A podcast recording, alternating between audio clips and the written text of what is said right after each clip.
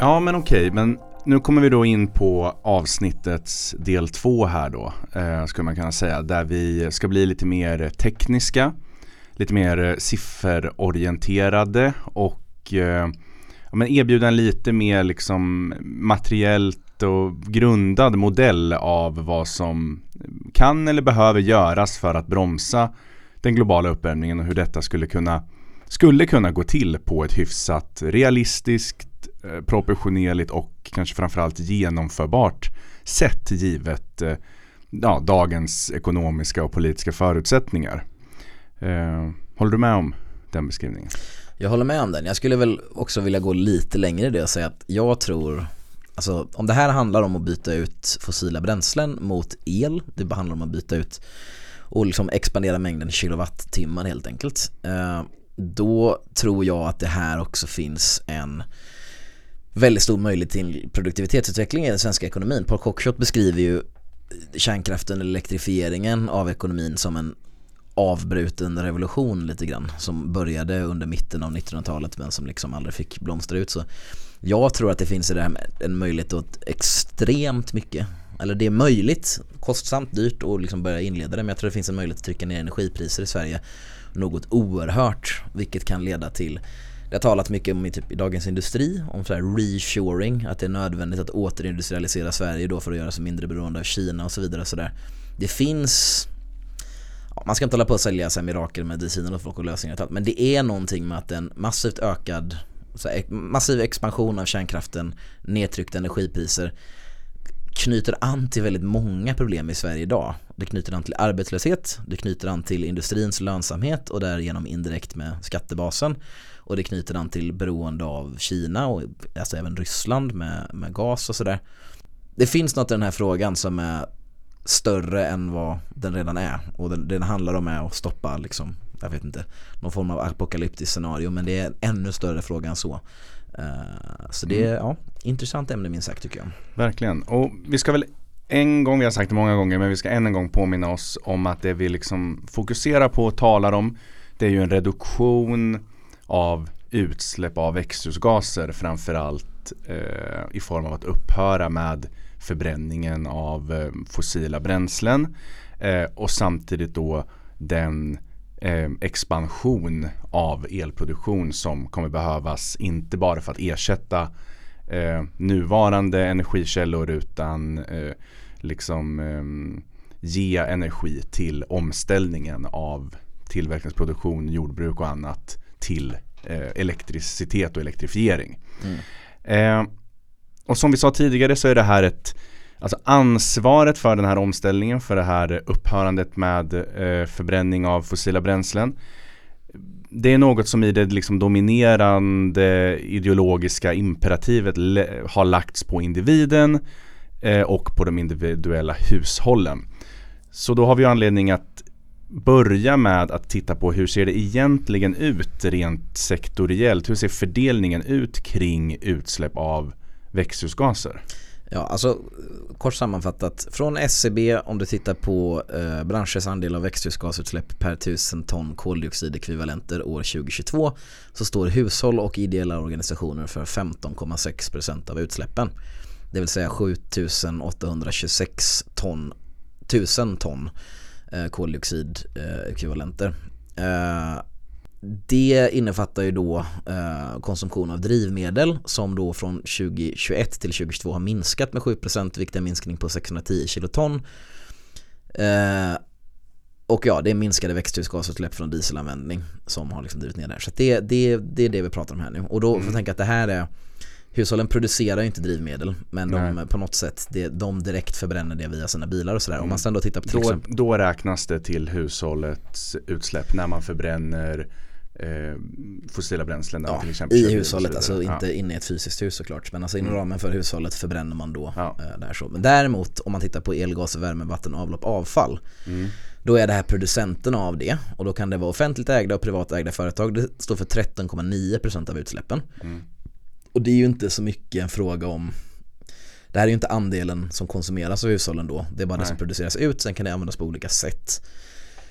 Uh, ja, gas i sig själv är ju liksom ett, ja, ett växthusgasutsläpp. Alltså mm. el kan ju produceras med Alltså du kan producera el med eh, källor som släpper ut växthusgaser. Så vet ni exakt vad det är. Men det viktigaste att kolla på då är att transportbranschen, den alltså privata transportbranschen, industriell transport, Mm. står för 14,3% av utsläppen. Tillverkningsindustrin för, står för 27,9% av utsläppen. Det är den absolut största källan. Jordbruk, skogsbruk och fiske står för 16,7% och sen så har vi utvinning av mineral 1,7% vilket ju är lite intressant att eh, gruvnäringen inte släpper ut så mycket som det ofta framställs som. Offentlig sektor 0,7, övriga tjänster 5,5, eh, byggverksamhet 3,5. Så om vi ska det. titta här på de stora källorna till, och det vi pratar om här nu det är så kallade territoriella utsläpp och det är alltså växthusgasutsläpp som sker inom Sveriges gränser. Och det finns två andra sätt att räkna. Det finns konsumtionsbaserade utsläpp som tittar på att, ja men du Viktor du köper jättemycket eh, dålig paketerad mat som Mm. har eh, det typ plast och grejer och papper som har producerats med jättemycket växthusgas i Turkiet eller någonting och sen transporterna för dit. Man kan titta på det. Mm. Eh, Jag tycker att det är politiskt inte så relevant att titta på eftersom att det är vi kan inte, Sverige, svenska staten kan inte gå in och reglera hur Turkiet producerar de här sakerna. Vi kan däremot reglera vår import och export. Mm. Så det, man kan titta på det den änden. Men det är inte så användbart, vi ska titta på vad Sverige kan göra inom sina ramar. Man kan också titta på då produktionsbaserade utsläpp. Och då är det alla svenska firmor och svenska individer även vad de släpper ut utanför Sveriges gränser. Eh, Det vi får tappa då genom att titta på det, ett så tror jag att vi tappar en del privat flyg men det är inte en så stor källa kan jag spoila. Men det stora som vi tappar då är ju alltså svenska industrier utomlands och särskilt då alltså svenska underleverantörer utomlands och så vidare. Om Om, vi, om vi räknade med det så skulle tillverkningsindustrin Det skulle vara ännu, öka. ja den skulle öka ännu mer. Den är redan störst och den skulle öka ännu mer i sådana fall. Eh, Alltså den, hushållens utsläpp hade ökat lite med i och med flyg och så men inte så betydelsefullt. Men om jag förstår det rätt här då så industriell tillverkning, transport, jordbruk och energiproduktion det står för totalt 73 procent Ja. och alltså den överväldigande majoriteten av alla växthusgasutsläpp inom det svenska territoriet. Ja, och den är ju också, alltså om, om du tittar på, alltså vad är det hushållen, alltså hushållens eh, sätt, alltså värma upp hushåll Mm. eh, är det som står för växthusgasutsläpp men det är ju någonting som hushållen inte kontrollerar. Det köper ju bara från alltså elgas, vatten, den här sektorn liksom. Det handlar också om den privata bilismen där man såklart kan göra val inom hushållet och sådär men för det första så har det minskat redan. Och sen så det stora är att om man ska då elektrifiera alltså personbilsflottan så är ju det heller inte ett beslut som hushållen kan liksom, alltså det måste ju staten eller näringslivet göra helt enkelt. Sen lever vi väl i en demokrati då så då kan man ju så här man har ansvar att rösta på bla bla bla. Men alltså det är ett väldigt indirekt sätt att styra tillbaka det till något slags individuellt ansvar här. Och alltså det man måste bara göra gällande här är att det finns ofta en Typ när man pratar, alltså grejen med plastpåseskatten och sånt där Alltså man kan, det kan bli ett kulturkrig och man kan irriteras på det men Man måste förstå att det som gör det så himla dumt och, och liksom om veganism och sådär Det är att det, vi pratar om så extremt små mängder här och vi pratar om och det är också en extremt stor tilltro till marknaden att liksom någon sån här liten eh, liksom marginell konsumtionsaktivism är det som liksom ställer om de här eh, verksamheterna. Alltså så är det ju inte liksom. Ehm, men det är bara viktigt att ha klart för sig, alltså var utsläppen kommer ifrån. Mm. Och det handlar i slutändan då om hur vi ställer om eh, industrin då i en bredare bemärkelse, alltså inte bara själva tillverkningen utan transport eh, och, ja, och även alltså industri i bemärkelsen energiproduktionen om vi använder det bredare industribegreppet, inte bara tillverkningsindustrin som man syftar på här. Mm. Och jordbruket. Det är det som måste ställas om. Just det. Så, precis, så, så omställningen som vi behöver göra för att minska den globala uppvärmningen det är alltså dels då att ersätta de energikällor som släpper ut växthusgaser med sådana som inte gör det. Och det handlar om att ställa om så att tillverkning och transport och så vidare eh, drivs av Ja. el eh, eller mm, andra klimatneutrala bränslen. Ja, alltså man måste utveckla ny infrastruktur och ny teknologi som är kompatibel med den här helt nya energibasen om vi bara har alltså el som en energibas. Sen ska ju sägas också det här vi pratar om produktionsbaserade utsläpp. Om man vill åtgärda produktionsbaserade utsläpp det bästa sättet att göra det är ju då att flytta hem industrier till Sverige igen. Ja. Som ändå redan nu har en ganska grön produktion. Och som har, alltså om, det kommer jag komma in på sen, men om man pressar ner priserna, alltså energipriserna, då är Mm. det ett sätt att utan att pressa ner svenska löner realistiskt kunna få tillbaka industrier hit och då sänker man de produktionsbaserade utsläppen med. Så liksom det är jag, jag tycker att det är ganska legitimt att koka ner frågan till Mm. hur mycket el kan vi producera. För att då, och då, på så vis påverkar vi också de konsumtionsbaserade utsläppen. Mm. Eftersom att om vi alltså gynnar den svenska hemmaproduktionen av eh, livsmedel, livsmedelskonsumtion eller liksom, jag vet inte, elektronik, vad det än kan vara, då logiskt så minskar också de konsumtionsbaserade Mm. utsläppen. Ja, och Cockshot var ju inne på att en elbaserad eh, industri och transport det är en ganska realistisk omställning. Mm. Alltså den, är inte, den går att göra liksom. Ja, han sa ju det Yes, very much so, alltså med någon viss entusiasm och sådär. Alltså att han, han menar att det, alltså det finns inga tekniska hinder som sådana för det här. Och vi ser ju experiment nu liksom, jag ställer om till så mer eldrivna lastbilsflottor och sådär. Men det kräver ju väldigt mycket energi och det kräver alltså en laddinfrastruktur som eh, inte finns på plats idag helt enkelt. Ja, precis. Och vi har ju redan spoilat att vi ska komma in på eh, kärnkraft som en liksom, viktig del i en sån här omställning. Men om vi innan det tittar på hur det ser ut med olika energikällors växthusgasutsläpp. Ja, eh, alltså då kan man ju vända sig till Det finns ju något sätt tendensiöst i det här mycket att det kan finnas olika alltså lobbyintressen som vi framställer det på olika sätt men Naturvårdsverket måste ändå någonstans vara en rimlig referenspunkt Mm. Eh, och Naturvårdsverket menar då att de låga växthusgasutsläppen i svensk elproduktion trots ökad produktion de senaste åren förklaras av att vattenkraft och kärnkraft står för en dominerande del av elproduktionen samtidigt som tillkommande produktion huvudsakligen kommer från biobränslebaserad kraftvärme och under senare år främst från vindkraft. Mm. Naturvårdsverket, näm nämner överhuvud, Naturvårdsverket nämner överhuvudtaget inte växthusgasutsläpp som miljöfara när sådana diskuteras efter kraftslag på deras sida. Däremot att eh, det största miljöpåverkan, ja när vi pratar om kärnkraft alltså, så pratar man inte om kärnkraftens växthusgasutsläpp överhuvudtaget. Nej. Däremot säger man att största miljöpåverkan är strålningsrisker och miljöeffekter när uran utvinns i marken och när använt kärnbränsle och annat kärnavfall ska slutförvaras i berggrunden. En ej oviktig miljöfråga men inte relaterad till den globala uppvärmningen. Kärnkraftverk kommer också släppa ut små mängder radioaktiva ämnen till luften samt påverkar havsmiljön när använt kylvatten höjer temperaturen på havsvattnet. Vissa andra kraftverk spiller också värme i vattendrag men i mycket mindre omfattning. Legitima problem, men man diskuterar. Sen då om vi går till Vattenfall. Och Vattenfall är ett bolag, det är ett offentligt ägt bolag. De har vissa intressen och så men de är ändå de står under en liksom, statlig kontroll. Jag har svårt att tänka mig att de så här ljuger en i ansiktet på det sättet. Mm, Och då 2021 gjorde de en livscykelanalys av olika energislag. Mm.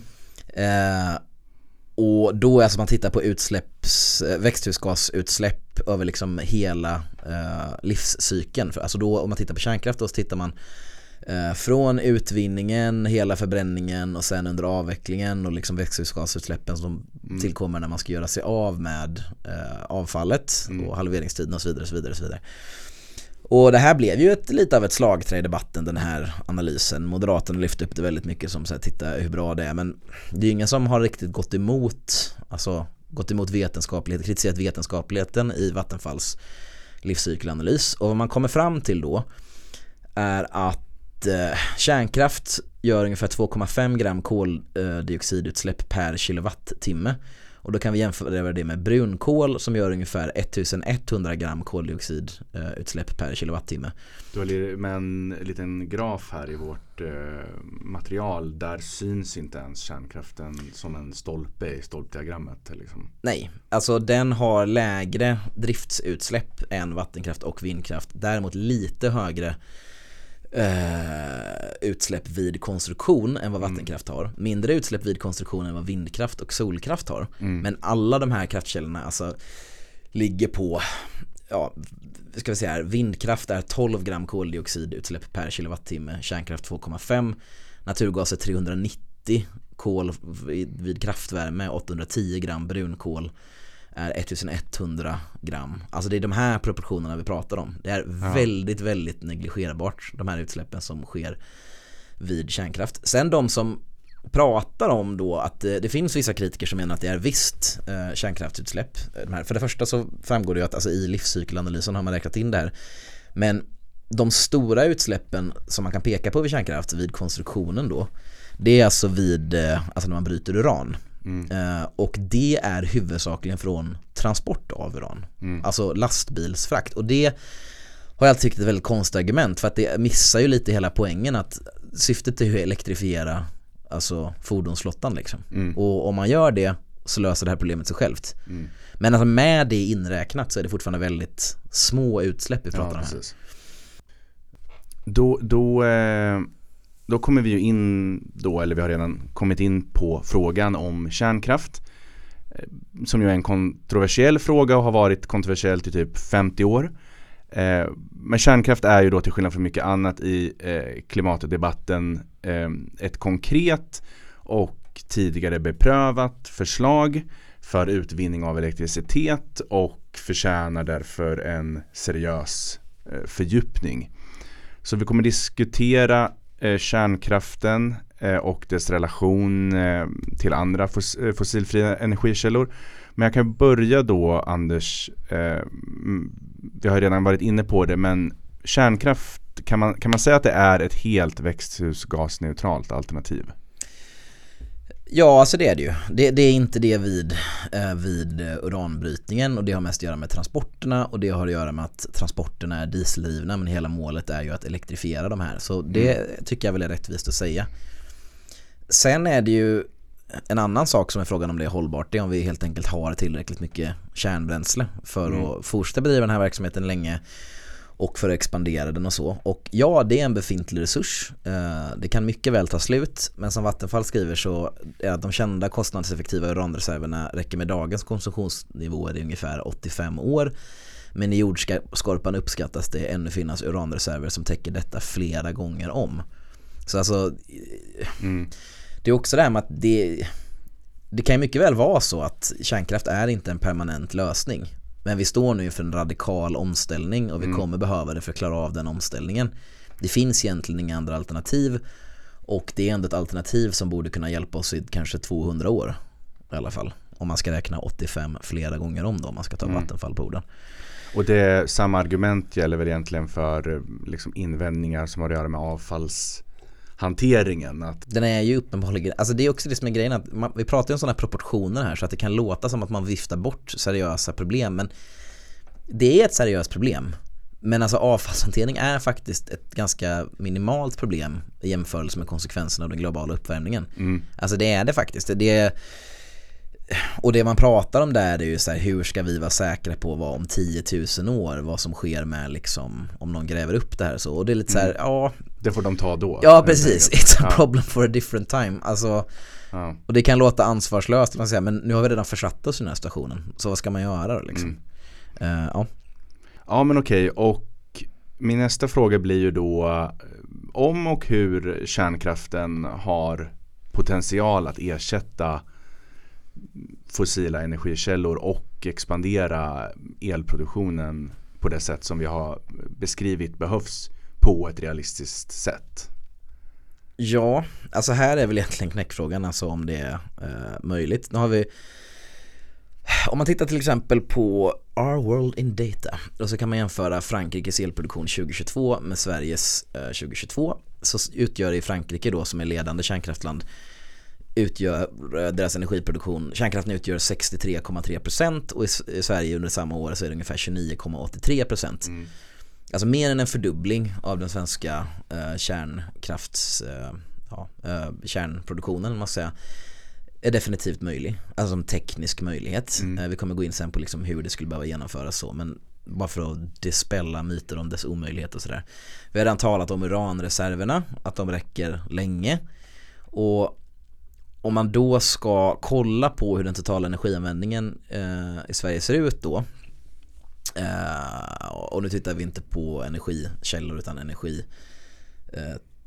Eh, alltså vi tittar på el, biobränsle, sten och brunkol. Så att total energianvändning inklusive transporter inom mineral och tillverkningsindustri tittar vi på nu då. Mm. För att det är det som är, ska man säga, om man, om man vänder det så vänder man det andra. Eh, fördelad på energivara, är termen man använder här 2020 eh, och det här är uppgifter från Energimyndigheten så är att el står för 31,5% 2020. Vi ser då att det har minskat med 2% ungefär fram till 2022 med den här datan jag nämnde förut.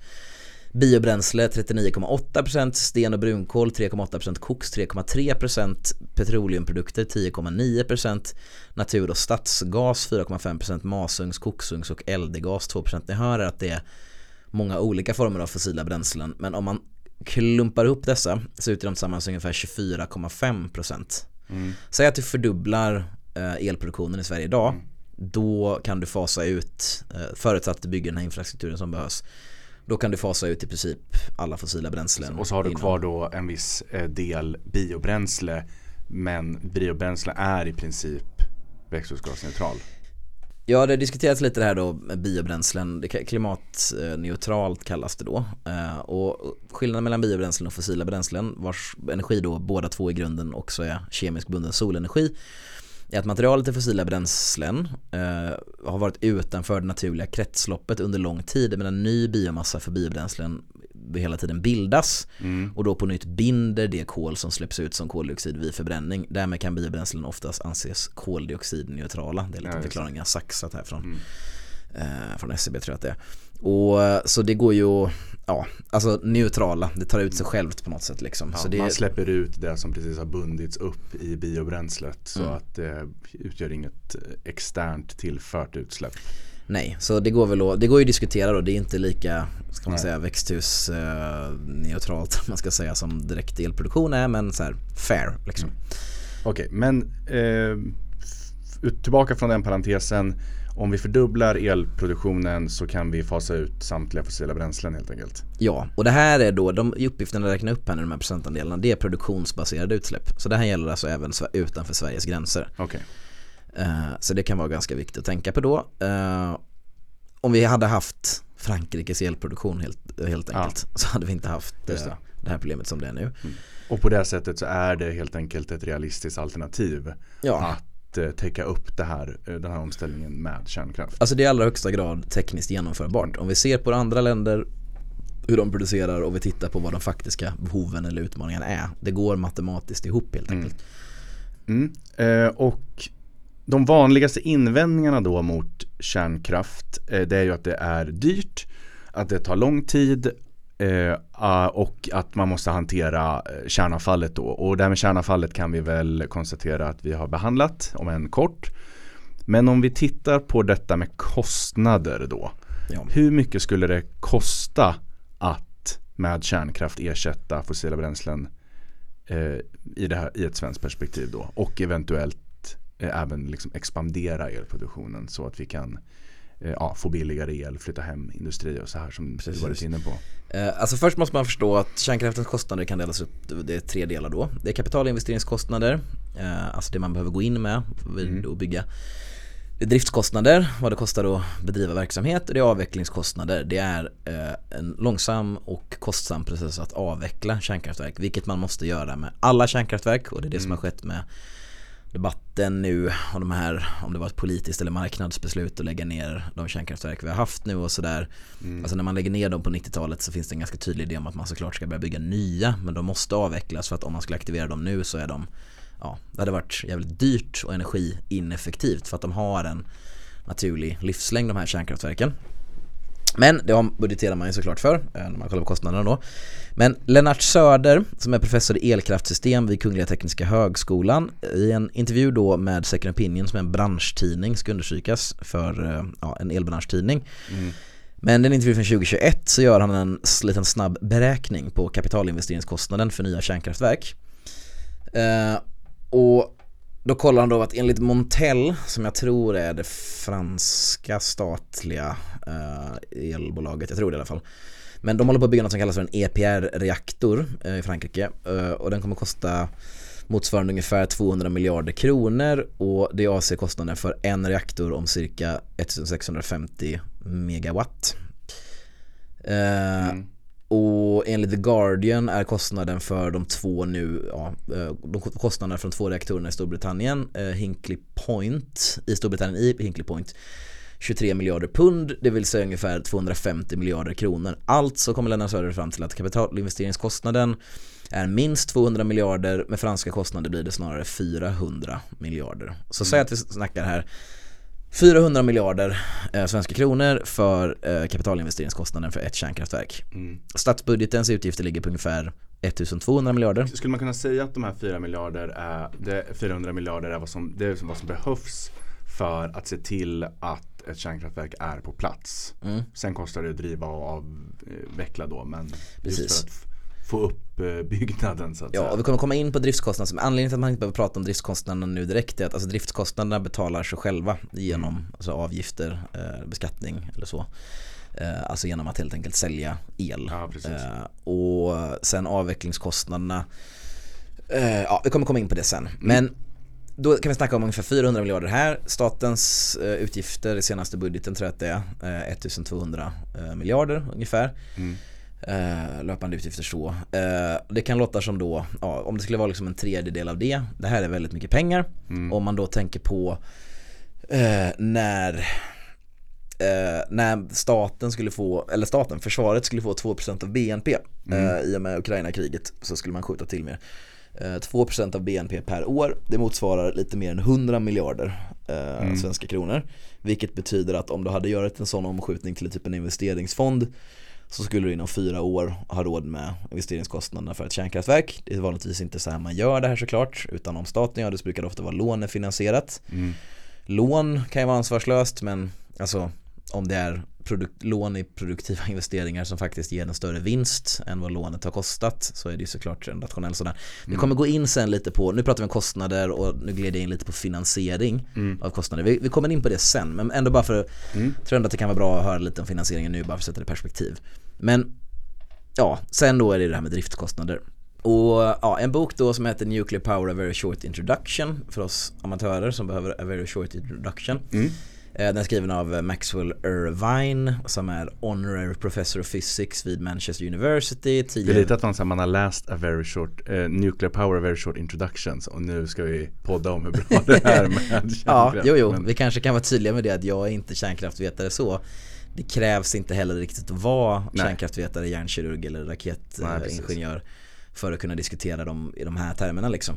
Men han har varit då Vice Chancellor of Aberdeen University och Birmingham University också rådgivare till UK Committee on Radioactive Waste Management och Storbritanniens representant vid EASAC Energy Committee som rådgav EU energifrågor. För att bara få en bild av vad det här är för person. Och han då i sin bok eh, argumenterar om kostnaderna för det här. Eh, eh, för ja, både investeringskostnader och drift, men det är drift vi tittar på här nu i första hand. Och då tar han fram några olika studier.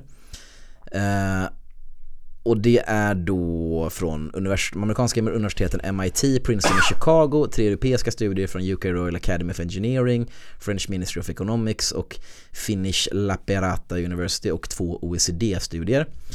Och han presenterar här då två eh, tabeller. Den första visar de olika studiernas beräkningar på kostnader eh, för eh, att låna kapital, den antagna driftsbelastningen som procent av kapacitet, antal år eh, kraftverket varit aktivt och pence per kilowattimme då.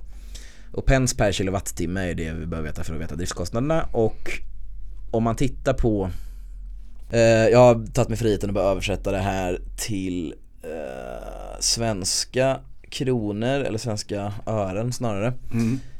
Eh, och då kan vi säga att i MITs beräkning så skulle det kosta 0,53 öre per kilowattimme. Eh, I Chicago-räkningen skulle kosta 0,47 öre per kilowattimme. I OECD 1 och 2 så skulle det kosta eh, 0,21 öre och 0,37 öre. Eh, det här säger ju kanske inte så himla eh, mycket i sig självt då. Ehm, men det intressanta är då som man gör sen då, man jämför det här med eh, motsvarande driftskostnader för kol och gas eh, som då de här två OECD-studierna senare har gjort. Och då vi tittar på Finland som kanske är mest jämförbart eh, så har jag då här tagit mig friheten att översätta det här från cent, det vill säga i kronor per kilowattimme med 10% ränta på lån i verk på 85% driftsbelastning anpassat för eh, 2014 års växelkurs då den här studien är ifrån. Eh, och då är det att Finland, där hade det då kostat eh, 2,88 kronor per kilowattimme med kärnkraft och 3,07 kronor per kilowattimme med kol. Om man tittar på Frankrike kan också vara intressant att titta på där hade det varit 2,68 eh, kronor per kilowattimme. Eh, 3,02 kronor per kilowattimme för kol eh, och för gas 2,93 kronor per kilowattimme. Billigare helt enkelt driftkostnad Ja. för kärnkraften än för kol och gas. Elbas, elproduktion via kol och gas. Ja, och i de flesta länderna är, det det här fallet. Alltså om du tar Korea till exempel. eh, Där är kärnkraft eh, lite dyrare än kol eh, för samma alltså kilowattimmepris. Och han Mm. talar liksom att det här finns Alltså om du lever i ett land med enorma eh, kolreserver så är det såklart Alltså då är det billigare. Det Mm. kan vara om du lever i ett land med alltså vattenkraftreserver. Det finns man måste titta på liksom de naturliga fördelarna och så såklart. Eh, Men det är ändå liksom generellt så är kärnkraft billigare i drift än alternativen. Det är klart att det är liksom dyrt i absoluta termer. Men vi talar här om en drift, alltså vi talar här om en drift över 50 års tid och vad liksom ja, bokslutet blir efter de här 50 åren och på den, alltså då är det i sig självt generellt billigare än kol och gas. Hur är det då med eh, avvecklingskostnaderna? Ja, i då Irvines bok från, som är från 2014 ska sägas, eh, eller snarare den är reprinted with corrections eh, år 2014. Eh, så uppskattas då, där har han Sverige som ett exempel. Och då uppskattar då svenska avvecklingskostnader för svenska kärnkraftverk att likt i Frankrike ligga på ungefär 10-15% av konstruktionskostnaderna. Och eh, detta innefattas då vanligtvis i elpriset. Man slår på den här kostnaden, alltså när man tar avgifter och så Mm. för elen. Så det brukar liksom Så att det ska också finansiera sig själv? det ska också finnas, det är det vanliga sättet att göra det, det ska liksom finansiera sig självt så. Mm. Eh, Ett problem man har haft med privatisering av kärnkraft i Storbritannien är att företag helt enkelt vägrar att ta över avvecklingskostnaderna om man lämnar över det till dem och om de inte fått ta del av den dittills ackumulerade inkomsten. Så ett stort problem är ju när man skiftar ägare i den här sortens verksamhet för att vi talar här om Mm. det här är saker som ska betala sig självt på liksom 50 års tid om man tittar på drift och avveckling. Eh, och man vill också då såklart tjäna en stor, det ska betala sig självt, gå runt, sen ska det såklart ske en eh, ja, vad ska man säga, eh, en betydande vinst för att finansiera investerings, eh, ja för att liksom göra finansierings, eh, insatskostnaderna värda, investeringskostnaderna värda. Ja, kortfattat då så kan man sammanfatta det som att den stora kostnaden för kärnkraft ligger i kapitalinvesteringen men att det inte behöver vara en olönsam investering. Problemet är att det tar flera decennier för investeringen att bli en vinst. Under de här åren så kan ägarskapet skifta. De politiska vindarna kan vända och andra ekonomiska policies kan börja gälla för avvecklingskostnader eller överhuvudtaget att ha kärnkraftverk i drift då. Mm. Och det här gör privata investerare väldigt försiktiga med att investera i kärnkraft. Ehm, och de här problemen däremot finns såklart inte för en stat om man bara väljer att sköta det här investering och drift helt i egen regi. Eh, och det var under de här formerna som de första kärnkraftverken i, ja, i England och USA byggdes. Eh, då främst med, ett militärt syfte att utveckla vapenklassat plutonium för atombomber. Mm. Men alltså även svenska kärnkraftverk, det är ju liksom det statliga som har varit normen. Och vi kommer komma in på det sen, att det har blivit på väldigt kort tid väldigt normaliserat tanken om att privata intressen ska kunna kontrollera kärnkraften. Men det finns något tekniskt väldigt olämpligt, särskilt med finanskapital med väldigt okänt ägarskap och där ägarskap alltså byter händer ganska ofta och det kan ju mycket väl övergå till då företag utanför ett lands gränser. Eh, vi kommer komma in på det mer sen, men det är ändå viktigt för att förstå, eh, ja, det behövs liksom ett a firm hand, ett tydligt Mm. långsiktigt ägarskap för att göra det ekonomiskt gångbart. Mm. Eh, Men man borde då utifrån det här kunna komma överens om att driftskostnaderna inte är så dramatiska och att avvecklingskostnaderna är ju liksom inbakta i det. Mm. Eh, Den privata sektorn har potentiellt mer än råd med den här sortens investeringar. Alltså om vi tar Wallenberg som har talat om att stå till förfogande eh, med de här investeringarna. Mm. Så Investor omsätter ju liksom ja, mer än svenska staten i princip. Alltså de är Mm. helt enormt Det är rika. nästan små pengar för dem att Ja. bygga ett sånt här. Då, alltså Investor kan avsätta 400 miljarder för ett kärnkraftverk. Det, Mm. det kan de göra över Mm. en natt. Så. Bygga det kan inte göra en natt, men pengarna kan de hosta upp. Ja. Eh, och då är ju frågan dels om man effektivt kan locka de här privata investerarna till det här.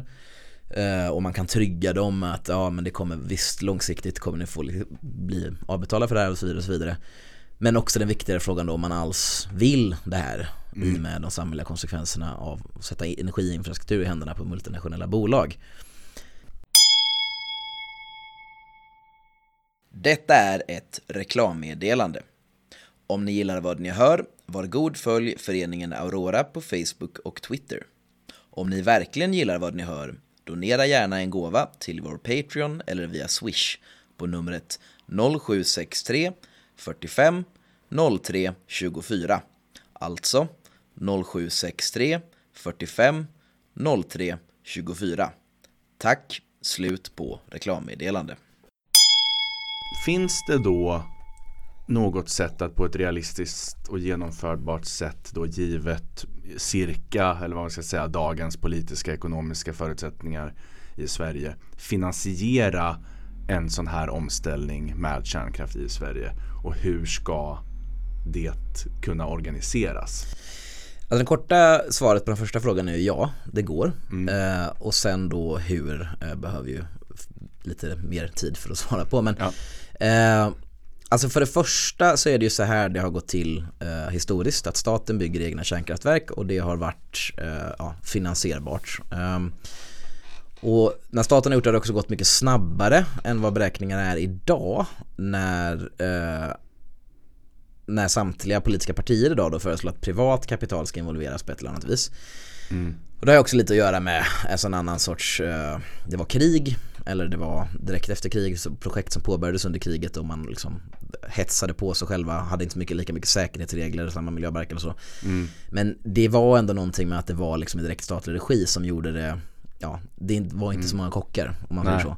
Den statliga och, organisationen av det hela gjorde att det gick mycket snabbare än de beräkningar som görs idag ja. när man tar in att det ska vara privat eh, finansierat. Och och Cockshot beskriver till exempel när man bygger då Windscale eh, som är ett kärnkraftverk i Cumbria i Storbritannien. Eh, man får order om, eller authorization får man, eh, att bygga det här i juli 1947 eh, vid ett kabinettmöte eh, shared by Prime Minister Clement Attlee, alltså Labour ledaren, mm. deras eh, bleka kopia av Per Albin Hansson kan man tänka. Mm.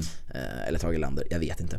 Eh, och man börjar bygga då eh, december 1947 eh, och hela designen och konstruktionen och uh, the commissioning process för den första reaktorn var färdig i oktober 1950 uh, när den blev operational Alltså. Uh, ja. Det tog tre och ett kvarts år. Tre och ett kvarts år uh, och get it operational. Alltså från beslut till operational. Ja, ja. så hade man uh, Storbritanniens första kärnkraftverk.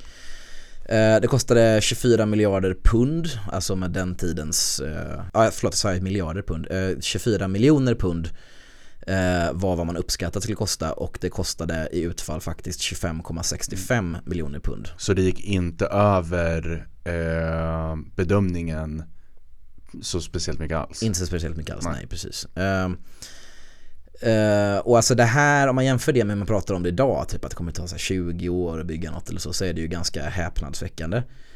Och det här var liksom ett helt så government undertake som jag beskriver det. Uh, det. Det genomförs av Ministry of Supply and the Ministry of Works. Alltså det är helt och hållet under, en, under två statliga myndigheter mm. som gör det här. Uh, alltså det är såklart att det är nya saker. Det är typ, uh, kan vara större, mer komplexa kärnkraftverk idag. Man kanske inte kan förvänta sig tre och ett kvarts år. Nej. Men jag tror verkligen inte att man behöver förvänta sig 20 år. Uh, om man hade haft annan lagstiftning, om det hade skett statligt. Och det hade skett, ja, kanske med typ standardiserade modeller importerade från andra länder och så vidare. Och så vidare. Mm. det kan vara värt att tänka på. Men för att finansiera kärnkraften då eh, så behöver man i princip två saker. En tillräcklig efterfrågan i form av vilja betala av avgifter för att konsumera den för driften du producerar. Och två, ett omfattande insatskapital för att finansiera kapitalkostnaderna. Eh, mm. Är detta möjligt? Kan staten göra de här sakerna? För det första, de som brukar prata om att det finns en bristande efterfrågan eh, för den här massiva elen som ett kärnkraftverk producerar tycker jag ofta missar poängen lite grann. Alltså för det första så är det att staten kan i princip skapa den här efterfrågan om man vill. Särskilt då om vad man sysslar med är inte att expandera elproduktionen lite grann för att möta så här, nuvarande industrins liksom, energiproduktion. Utan det det handlar om är en total avveckling av de fossila bränslena. Så får du upp en ganska hög efterfrågan bara där. Ja. under en väldigt kort tid. Eh, det kommer skapa en massiv efterfrågan. Därutöver kommer det vara, kräva infrastruktursatsningar därutöver som är anpassade för att tillvarata den nya energibasen, alltså el för en ny eldriven fordonsflotta, laddningsstationer för dessa omställningar i industrins mm. maskinparker och så vidare. Alltså det här måste man också göra för att det ska bli en efterfrågan på el, man måste elektrifiera. Ja, alltså så här, om du har ett rent politiskt mål av att byta ut de fossila bränslena, det första mm. du gör när du avvecklar de fossila bränslena, då uppstår en enorm efterfrågan på el. Mm. Och det uppstår i och med den efterfrågan så uppstår det en efterfrågan på en infrastruktur mm. som måste produceras med fossilfria eh, källor. Så du måste producera ännu mer el för att kunna framställa de här laddningsstolparna och så vidare. Mm. Eh, och än en gång därutöver då så alltså kan man i princip skapa en, eh, staten kan skapa en eh, efterfrågan genom att om man betalar för att pressa ner elpriserna så mycket genom att ha ett väldigt, väldigt högt utbud på väldigt billig el som mm. staten mm. Alltså, jag säger inte att man ska bygga i oändligheten till det finns någon gräns någonstans för när det kan Men ja. alltså det är ingenting som stoppar staten från att bara bygga liksom en, två, tre, fyra kärnkraftverk, trycka ner energipriserna så pass mycket så att investerare blir intresserade av att investera i tillverkningsindustri i Sverige igen. För att elen är så billig här. Ja, och det här är inte bara jag som har så här vansinniga planer. Det här har diskuterats ganska utförligt i Dagens Industri. Eh, nu vet jag inte hur det debatten är nu, men typ för ett halvår sedan i alla fall. Mm. Om eh, reshoring, återindustrialisering och då har det varit så här med en politisk tinge, att man inte ska vara beroende av kommunist-Kina och sådär. Mm. Men alltså det finns en ekonomisk rationalitet och genomförbarhet i det här. Och det är, alltså om du, av, om du bara börjar, du måste avveckla kanske mellan 25-29% av den svenska liksom, energibasen då mm. i bemärkelsen fossila bränslen. Det är en enorm efterfrågan där som ja, kanske ett kärnkraftverk kompenserar för. Sen måste du expandera infrastrukturen för det här, kanske till kärnkraftverk och sen så är det, sätter fantasin stopp för hur, liksom, hur billig du vill göra elen i relation till hur många investerare du tror du kan locka för att producera billigt i svensk grön industri. Men hur ser det ut då liksom för att man i nuvarande, enligt nuvarande regler så måste vi ju sälja ett elöverskott till EU. Så för ja. att göra elen billigare så krävs det egentligen att man frångår det EU-regelverket. Ja, alltså det måste ju sägas när vi pratar om det här, vi har kokat ner hela den här frågan till så här, hur många kilowattimmar behöver vi för att rädda planeten liksom. Mm. Och det är såklart att det finns, vi kommer också komma in på så att någon måste politiskt genomföra det här så, men sen så finns det ju sådana här saker om alltså distributionen av den här elen. Det finns väldigt mm. många problem. Och alltså kortfattat så är det så här, alltså för att överhuvudtaget kunna göra det här Ja vi måste ju lämna EU i princip liksom. Mm. Eller vi måste kunna skita i EU-regler eller liksom hitta loopholes För att kunna hamstra el i princip. Eller att vi säljer bara till, vi vill liksom, ja vi vill ha ett stort överskott av el som vi kan sälja eh, eh, billigt till investerare i Sverige. Och då, det går inte rakt av inom ja, ramen för EUs formella regler för det. Nej. Så, det är inget EU-avsnitt eh, e det här men det behöver sägas liksom. Ja. Okej, okay, men eh, det andra då förutom de här, den här efterfrågan det var ju de här insatskostnaderna då. Alltså ett nytt kärnkraftverk eh, kostar ungefär bara då insatskostnader, kapital, ungefär 400 miljarder. Men eh, statens utgifter exklusive statsskuldsräntor för 2023 enligt statsbudgeten var 1233 miljarder. 400 miljarder skulle då alltså utgöra cirka en tredjedel av statens utgifter exklusive statsskuldsräntor. Om det här känns oöverkomligt så bör man hålla följande punkter i åtanke. Att 2022 så beslutade regeringen att Försvarsmaktens anslag skulle utökas med 2% av BNP per år. Och det motsvarar i 2022 års pengavärde en årlig kostnad på ungefär 108 miljarder kronor.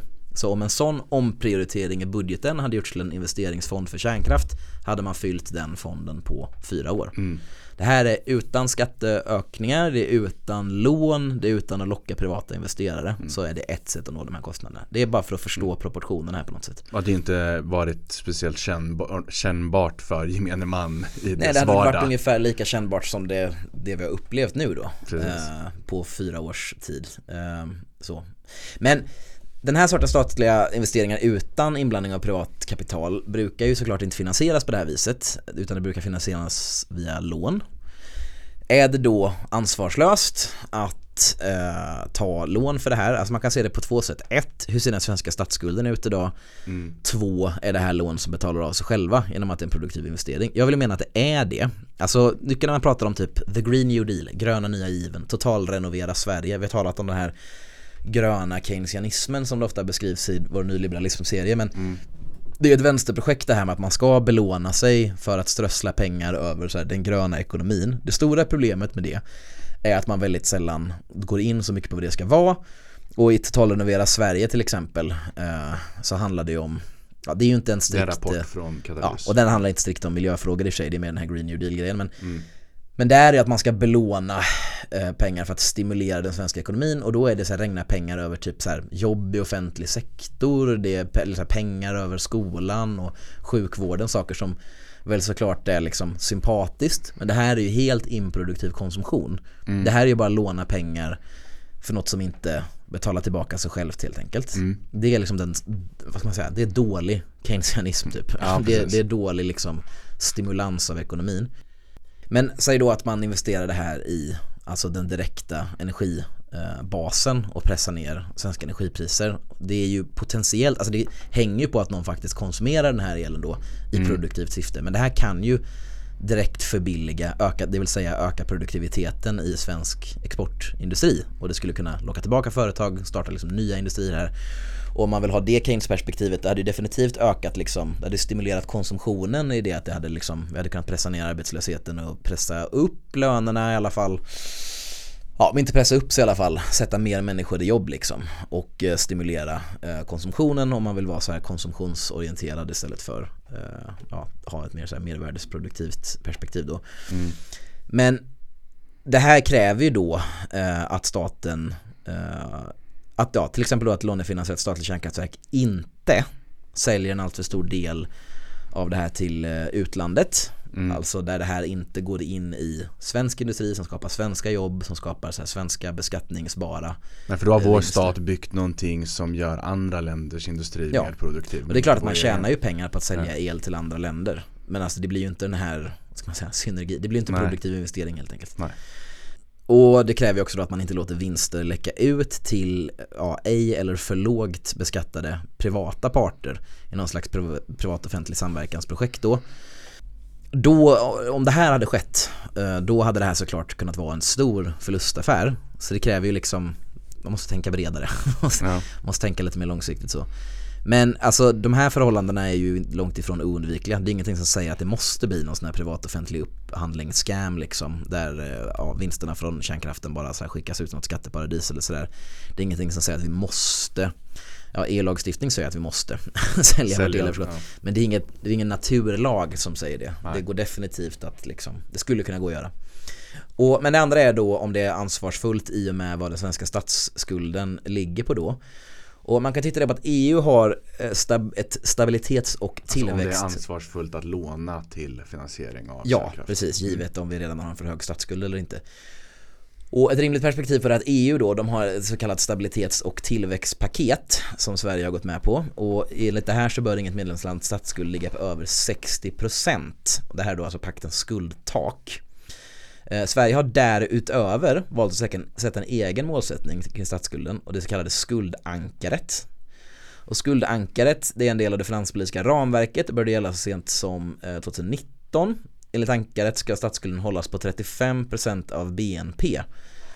Eh, ja, det ska dras ner till den nivån. Men 2022 så låg Sveriges statsskuld på 28% av BNP.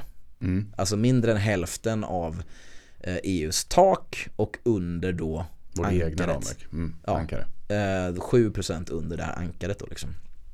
Statsskulden är historiskt låg. Eh, Det här kan ofta användas som ett argument för eh, en ja, ganska ansvarslös liksom, ja men då kan vi låna typ hur mycket som helst för att bara liksom, ja jag vet inte ja, strössla pengar över liksom improduktiva, nyttiga säkert men improduktiva verksamheter. Men det är inte det Mm. jag pratar om här. Alltså det, det är fortfarande sant att statsskulden är väldigt, väldigt låg och det finns en möjlighet till det. det ska liksom, den möjligheten ska att nyttjas nyktert. Man ska ha en klar bild vad det ska gå till. Det ska kunna betala av sig självt de här lånen. Men Mm. möjligheten finns.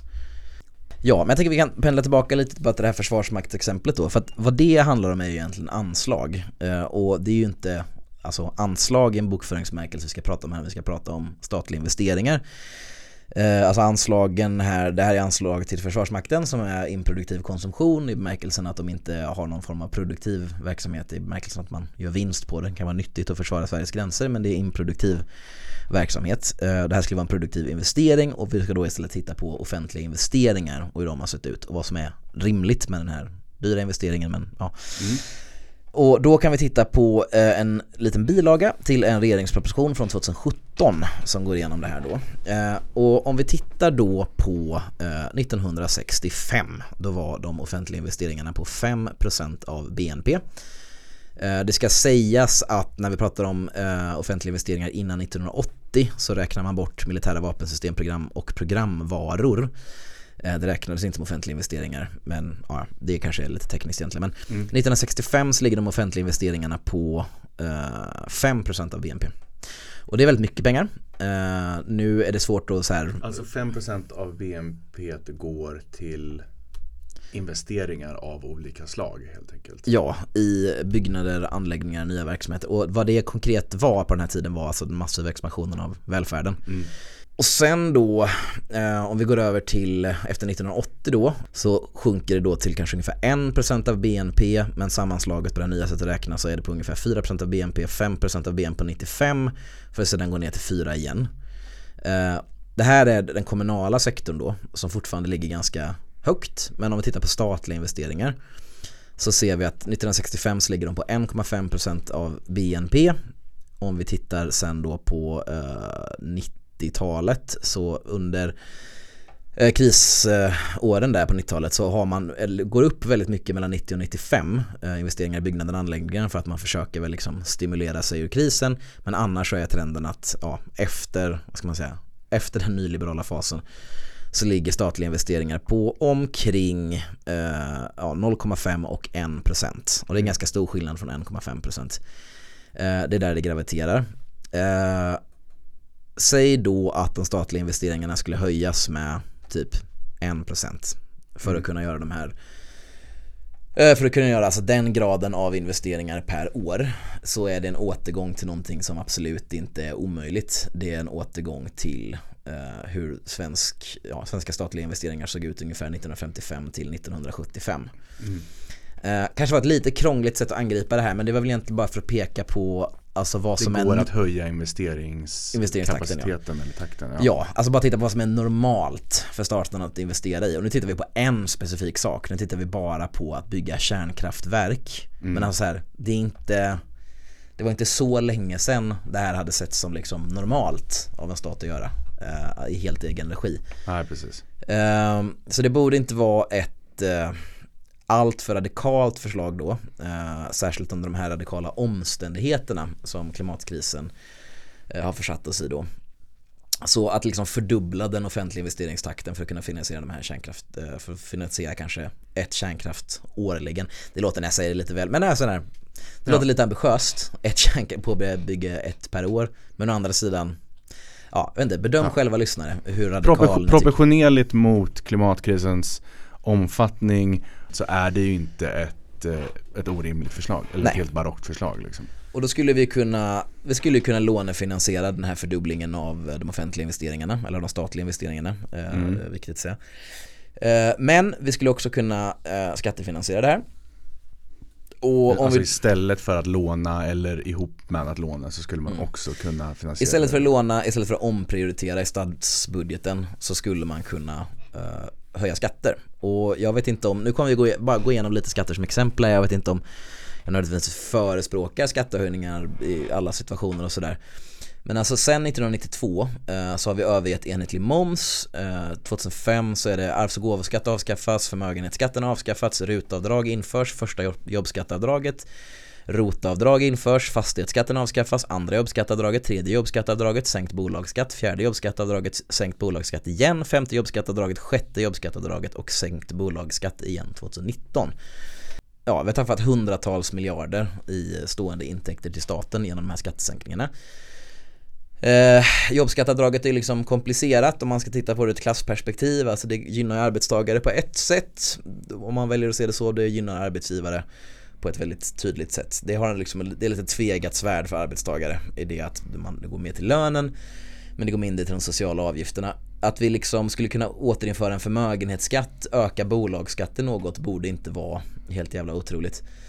Eh, fastighetsbeskattning är ju samma sak. Den kan ju slå hårt mot så här proletära husägare men den kan ju också alltså, beskattas eh, progressivt och sådär. Eh, man kan ju ta det bara så katalys och räkna lite på det här att en ny fastighetsbeskattning hade kunnat innebära 16 eh, till 18 miljarder per år. Eh, mm. det är ganska lite om man räknar 400 miljarder men det är ändå jag vet inte, många bäckar små någonstans.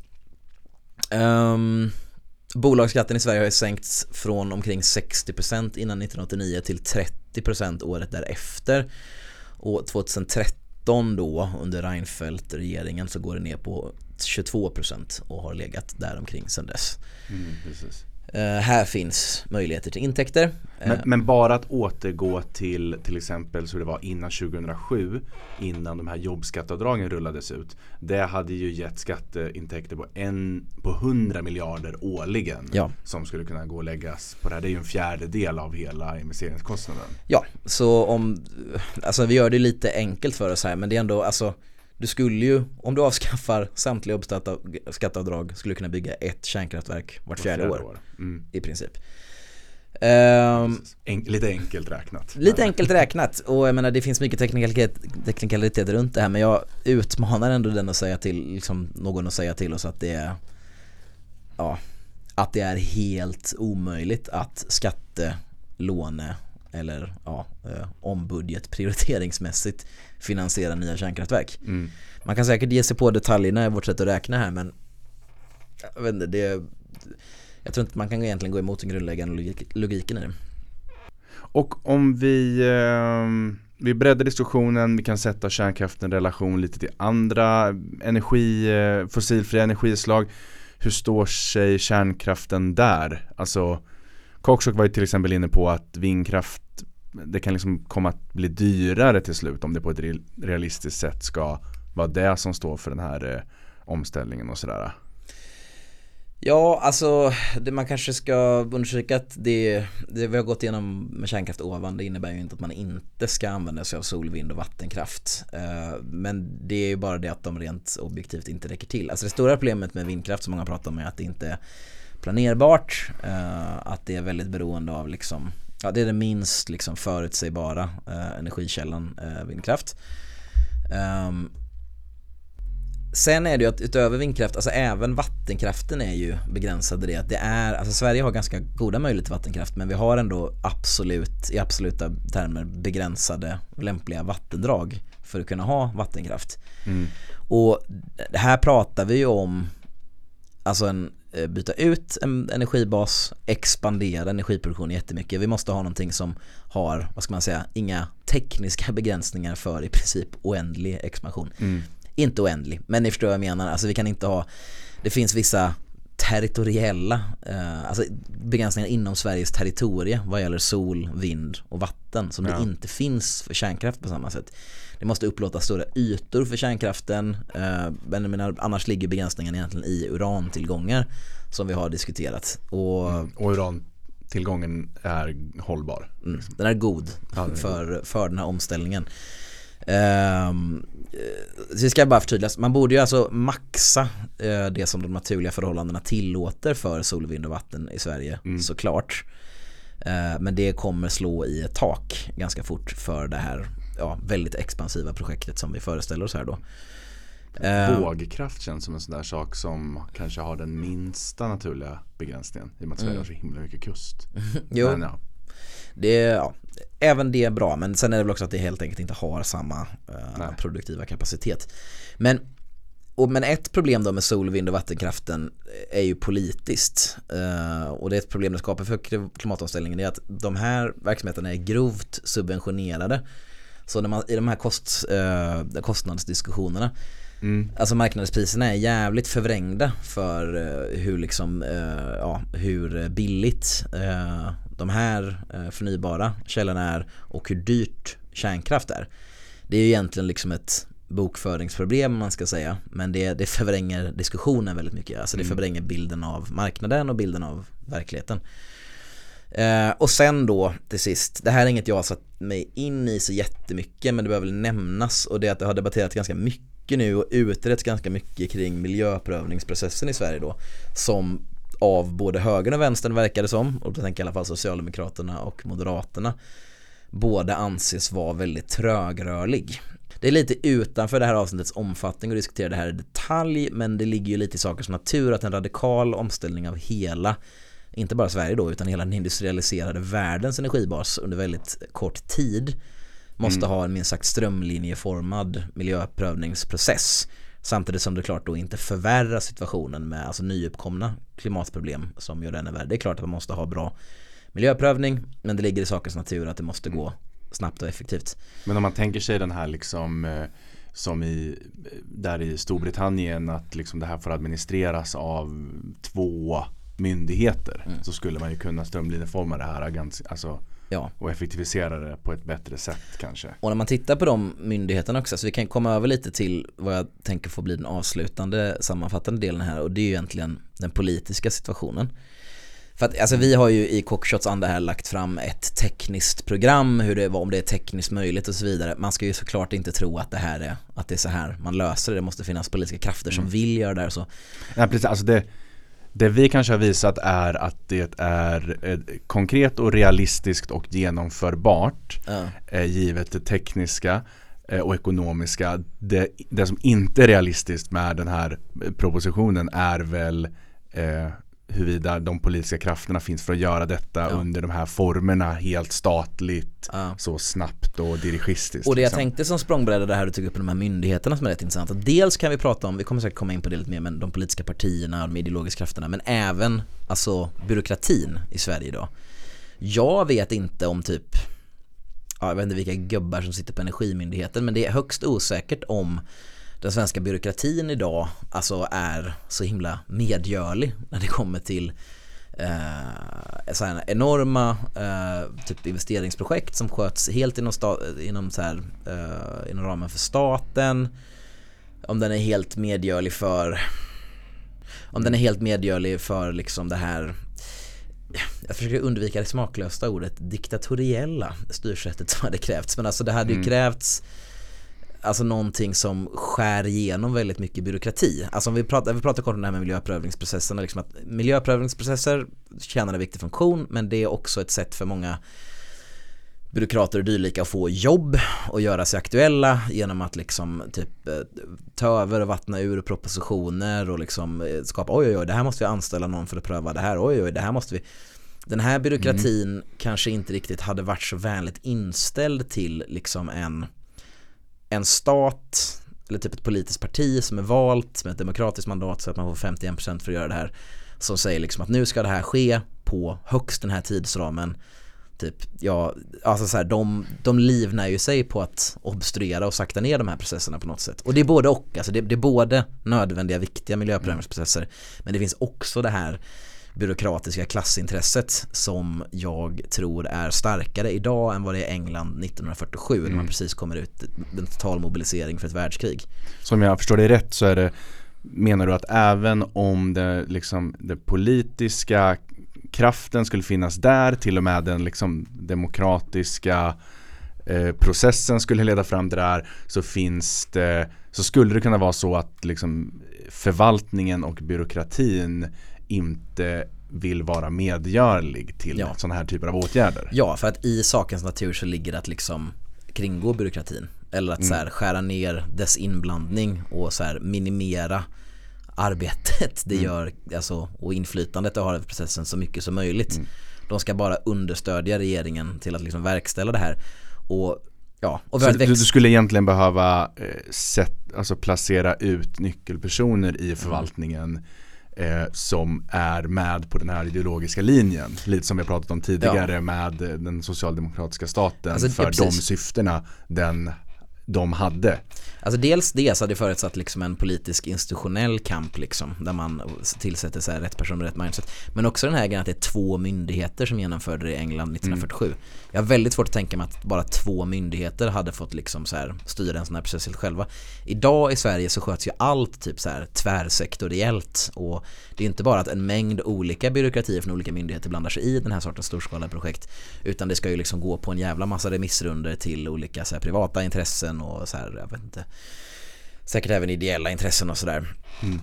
Och alltså allt det här skulle behöva liksom kringskäras på ett sätt som är svårt att föreställa sig att det är så här givet läget som det är nu. Typ om Moderaterna skulle gå in och säga, nej vet du vad, vi gör det statligt. Jag tror att hela den här byråkratiska processen hade tagit väldigt lång tid på grund av byråkraternas klassintresse.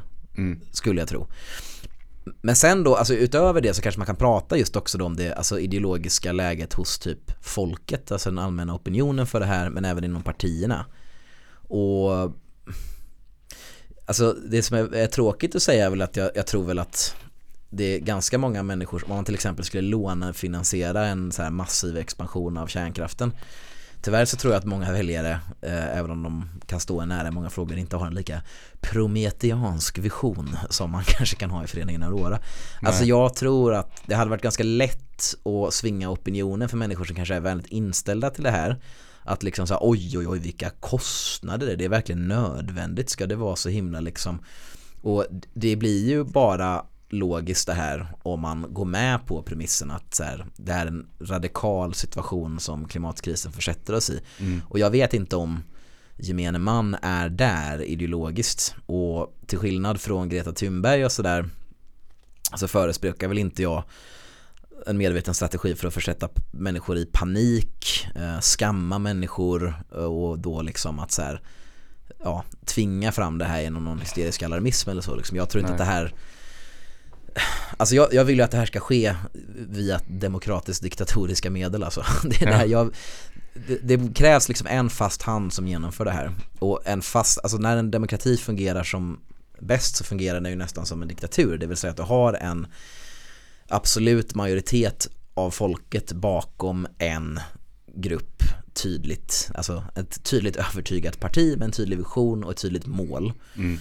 Jag tror att det här inte liksom, det är klart att man skulle kunna så här, de här gröna människorna, det har ju varit lite skandaler där de vill införa en så här klimatdiktatur och så vidare. Problemet med människor som tillskriver diktatur så mycket eh, effektivitet är att de tror ju att om man liksom formellt politiskt har alltså diktatoriell makt så dansar liksom samhället med för att liksom en militärjunta eller en annan diktatur säger åt folk. Jag tror liksom inte att diktaturer som egentligen kanske har stöd av typ 10% av befolkningen jag tror att de inte är mindre trögrörliga alltså. För ju Nej. mer de måste använda våld och tvång Alltså det, det, blir väldigt ineffektiva processer, processer det här. Jag tror att det kräver ett stort demokratiskt mandat för att kunna genomföra den här äh, omställningen och det, där har man ett problem. Jag tror inte att... Det är väl till och med Cockshot, alltså ett av Cockshots argument mot varför Sovjetunionens ekonomiska system inte höll var för att det också ut, inte för den ekonomiska planeringen utan Nej. för att den utfördes på ett sånt auktoritärt sätt att det blev för, för ineffektivt, fick inte fram information för det fanns inget demokratiskt liksom underifrån Alltså ett var att de hade mandat, massa informationsproblem typ. i Sovjet. Man hade jättemycket informationsproblem för att liksom de hade inte, alltså de visste inte vad folk ville ha, folk ville liksom, kunde inte uttala sig. Men det fanns ju ingen så tillit i systemet heller. Alltså du har det eviga Nej. problemet med att du har så här röda direktörer som underrapporterar hur produktiv en gruva är så att de lättare kan gå över bonusmålet mm. som planeringsmyndigheten. Så alla sitter där och spelar någon slags pokermatch och bluffar med varandra och försöker syna varandra så här, vad är det egentligen du vill? Mm. Och eh, alltså om staten kan bara gynnas av att liksom ha en ideologisk entusiasm bakom sig när man gör mm. det här. En tillräckligt stor sådan i alla fall. Där alla liksom går in med ärliga Uh, gud, vad kan jag komma på engelska? Intentions, ärliga ambitioner. ambitioner. Intentioner. Intentioner, tack så mycket. Gud, helt förstörd av uh, engelska, uh, anglodominansen. Men alltså, staten kan bara gynnas av att folk går in med ärliga intentioner, vill samma sak, pekar mm. åt samma riktning. Den här sortens storskaliga infrastrukturella projekt är annars liksom som dessa flug, alltså flugor till koskit vad gäller korruption och sticka in sugsnaben i och liksom eh, dra ut offentliga investeringspengar åt andra håll och sådär liksom. Och felrapportera och, och olika liksom scams gentemot staten. Det skulle behövas ett stort demokratiskt mandat och en stor demokratisk tillit. Um, ja, frågan är om ens vissa eh, liksom katastrofala Eh, klimateffekter som skulle drabba Sverige skulle ge den typen av opinion som behövs. Nej precis. Och där kommer vi in lite, det är det här Cockshot pratar också om. Och det var ganska intressant tycker jag att om man gör en parallell till andra världskriget vad som fanns då var att det fanns eh, ett krig, det var ett annat land då, Tyskland som bombade ens stad som skedde liksom dramatiskt över en natt, man visste vem fienden var, man, det var lätt att ena folk mot det här om det bara hade varit så väl att det var det här Day After Tomorrow scenariot med den plötsliga kollapsen där typ alla dör på en dag, då kanske jag hade haft ett sånt scenario. Men klimatkrisen kommer vara inkrementell och den kommer ske liksom med olika uttryck, bränder, översvämningar, svält, massmigration. Och det kommer inte nödvändigtvis vara så enkelt att man kommer knyta ihop allt det här till en gemensam hotbild på samma sätt. Och sen då så är det en stor grej med att efter kriget så är hans parallell Sovjetunionens många brister har vi gått igenom redan men en sak med Sovjetunionen var att de var väldigt så effektiva på att bygga upp en industri på väldigt kort tid och det var någonting som man kunde titta på, alltså den engelska befolkningen kunde faktiskt titta på att, ja men titta vad effektivt det går för dem men även vad effektivt det gick för oss under kriget när vi statligt ställde om produktionen på det här sättet. Så någon slags yttre ideologiskt hot liksom. Eh, som, eller, no, eller det behöver inte ens vara yttre, alltså det är bara någonting som visar på alternativ. Att det här är möjligt. Man såg mm. det inom, uh, inom Storbritannien under kriget. Man såg att det var möjligt att typ utradera arbetslöshet över en natt. Det var möjligt att mobilisera allt det här. Mm. När det finns i det kollektiva medvetandet, det skiftar nog ideologiska situationen ganska rejält. Finns det idag? Cockshot pratade lite om att han tror att Kina är de enda som bygger eh, statliga eh, kärnkraftverk idag till exempel. Alla andra är ju med att locka privata investerare och sådär. Eventuellt skulle det kunna vara så. Men jag menar, jag vet inte, vi kan titta på typ när Kina hanterar covid-situationen. Mm. De var verkligen så här a firm hand och de var väldigt effektiva och så här karantäna i hela städer. Det blev väl mer att det blev en skräckbild av Kina. Att folk var liksom väldigt rädda för uh, vad staten kunde åstadkomma där och så. Men, alltså det är inte omöjligt. Och sådär, sen är det också med Kina att det är ju Alltså Det kanske inte finns så jättemycket att att se upp till i Kina. Alltså det är ju ett ganska hemskt politiskt system. Mm. Och ja men sen till sist då så är det väl att alltså, vi kan tala om typ eh, den folkliga opinionen, byråkratin och till sist har det så kanske Alltså partiernas ideologiska, de politiska aktörerna, eller man ska, de organiserade politiska aktörernas liksom ideologiska läge för det här. Och vi gick igenom det att de som ligger närmast någonting som är typ vettigt, det vill säga Moderaterna, Vänsterpartiet och Socialdemokraterna. För det första har de ju alla en sån här på, no, på någon nivå ska det ske med så här, eh, alltså statliga kreditgarantier till privata företag och uppmuntra privata investerare och så vidare. Vilket jag tror är alltså jävligt farligt att man mm. tänker så och det kommer, kommer inte bli bra, det är bara pannkaka. Eh, men att de skulle vara beredda och, alltså som vi pratade om, Cockshot pratade om det här Tories på 50-60-talet var ju liksom stora entusiaster för statlig planering och sådär så, så det, det, här behöver inte vara en farlig socialistfråga nödvändigtvis liksom. Det är, statliga investeringar i infrastruktur borde inte vara så radikalt men när vi är så långt, det kanske inte är lika illa som det var under Reinfeldt-åren men vi är fortfarande väldigt långt ifrån den här idén. Jag menar, tänk att de skulle liksom om man skulle föreslå den här stora investeringen, man hade blivit så bombarderad av anklagelser om att slösa eh, statens pengar och att det här kommer leda till, eh, ja det kommer kosta eh, gubb, alltså folket ute i stugan i mm. slutändan mm. liksom och, ja, men och, och också så staten ska inte leka affärer, ja, nej precis. precis. Och eh, det kräver ju ett längre resonemang som är så att det, ja, det är helt rätt typ att man kan inte bara så spendera pengarna hej vilt men man måste övertyga människor om att det är en eh, nödvändig investering för klimatkrisen men också en produktiv investering för jobben och sådär. Mm. Um, men däremot, ja, alltså jag tror att man jag tror ändå att folk kan vara ganska vänligt inställda till det. Det var ju som när, eh, när de höll på med industriklivet där så gick ju eh, Torvaldsson för detta LO-basen gick ut och vi socialdemokrater älskar gruvor. det, och det var, det, är inte personen jag har så mycket till övers för men det var verkligen ett så eko av den här nice, så här gammal härlig liksom. Industrivänlig socialdemokrati. Ja, och alltså det tror jag liksom är, finns typ ett folkligt och så här stöd och partistöd för typ att liksom så här när man ramar in det mer så liksom. Mm. Att det, ja, nu bygger vi ut den svenska ekonomin typ och sådär. Alltså det är liksom vilken ingång. Alltså jag vet inte, nu kanske vi svamlar lite här men summan summarum, jag tror absolut inte att de ideologiska förutsättningarna finns för ett sånt här projekt ännu. Men de här dramatiska konsekvenserna av klimatkrisen, det är ett år av, ett spann av 50 år som vi kommer börja se mer och mer översvämningar, eh, ett mer och mer skrikande behov. Så ja, det går fort i hockey, eller vad man säger. Verkligen. Ja. Och med de orden så kanske vi rundar av dagens avsnitt. Mm. Tack, stort tack till dig Anders för allt detta grävande som mm. du har ägnat dig åt och siffror du tagit fram och eh, tabeller du sammanställt. Vi kanske lägger ut några av de här figurerna mm. eh, på vår hemsida. Precis, i inspelande stund har vi inte försökt sammanställa det till en artikel eller så men eventuellt mm. eh, kan vara intressant att få titta på det lite själv och så. Och allt det här är ju bara öppen data från Energimyndigheten och SCB och Naturvårdsverket så det är ju ingen jag har ju sammanställt en del men det är ju ingen, eh, det är inga radikala vetenskapliga upptäckter jag gjort eller så. Men... Och i vanlig ordning så är vi ju intresserade av vad du som lyssnar har för åsikter i den här frågan och för invändningar och kritik av våra resonemang. Mm eh, eller om du vill försvara dig mot någon typ av anklagelse du tycker att vi har gjort mot dig och eh, sådana som dig i de här avsnitten. Eh, hör av dig till oss om så skulle vara fallet helt enkelt. Eller med alla typer av eh, kommentarer, åsikter och synpunkter. Så nu får vi lyssna brev från Fridays for Future då. Exakt. Och då får vi bemöta det självklart, i ett självklart. kommande avsnitt. Eh, så gott som vi kan. Eh, tack till dig för att du har lyssnat på det här avsnittet och vi i Aurora hälsar på återhörande. På återhörande.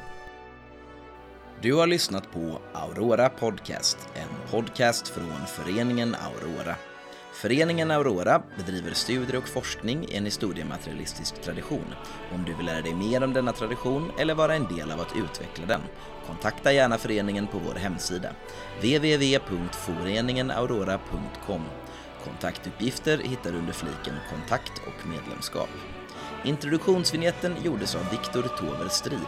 Följ Viktors spelföretag och Interactive på Twitter och hans personliga Twitterkonto @skojaaldrigpapi.